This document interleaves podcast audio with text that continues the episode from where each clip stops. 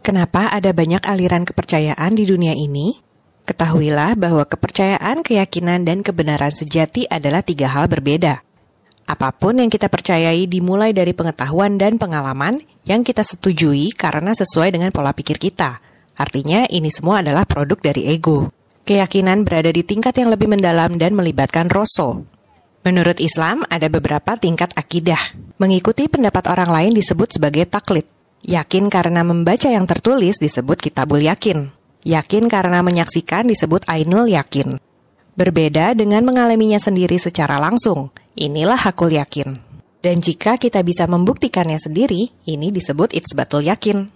Latihan untuk selalu itsbatul yakin, percaya bukan apa katanya, tapi apa adanya. Karena kebenaran sejati adalah sesuatu yang terjadi begitu saja, apa adanya, objektif, tanpa kepentingan. Yuk, sadar yuk! Thank you.